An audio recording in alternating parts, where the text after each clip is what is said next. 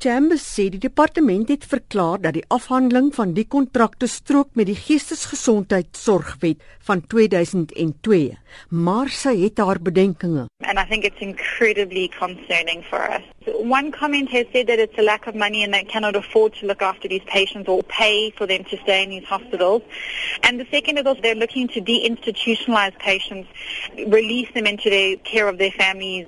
And when you're looking at the majority of these patients don't have families. And they cannot live or function by themselves. So it is a huge concern for us.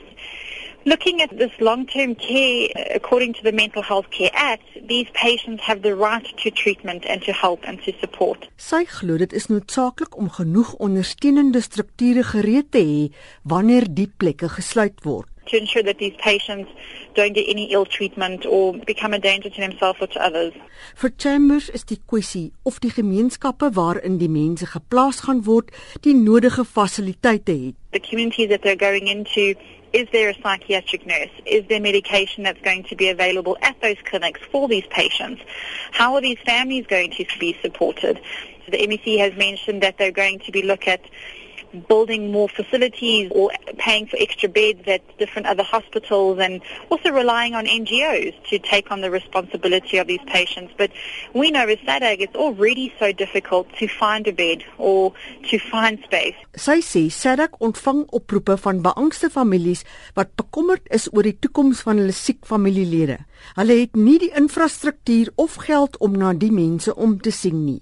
Sy sê dit is belangrik om te verseker dat daar psigiatrie psigiatriese verpleegsters is in die gemeenskappe. That their medication is also available. That these patients also know where to go to get help with their psychiatrist or psychologist. The families that are willing to take on these patients, that they're equipped with the skills and how to look after someone who is severely mentally ill. These aren't patients that are living with depression or anxiety. These are severely mentally ill patients that need long-term treatment and care.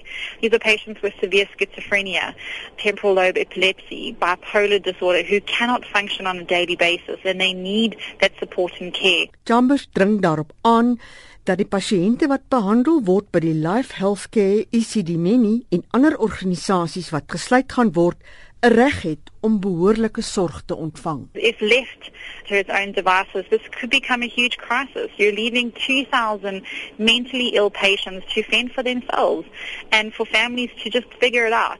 That's not fair and it's a violation of human rights, and especially because of the Mental Health Care Act, these patients have the right to treatment and to care. And as an advocacy group as SADAG, we want to create awareness and we want to see what can we do to assist, how can we help these people and their families, and what needs to be done to ensure that this is a smooth transition. Die uitvoerende hoof van SADC, Cassie Chambers, die LER vir gesondheid van Gauteng, Kwendani Mhlangu, was nie beskikbaar vir kommentaar nie. Mitsi van der Merwe, SABC nuus.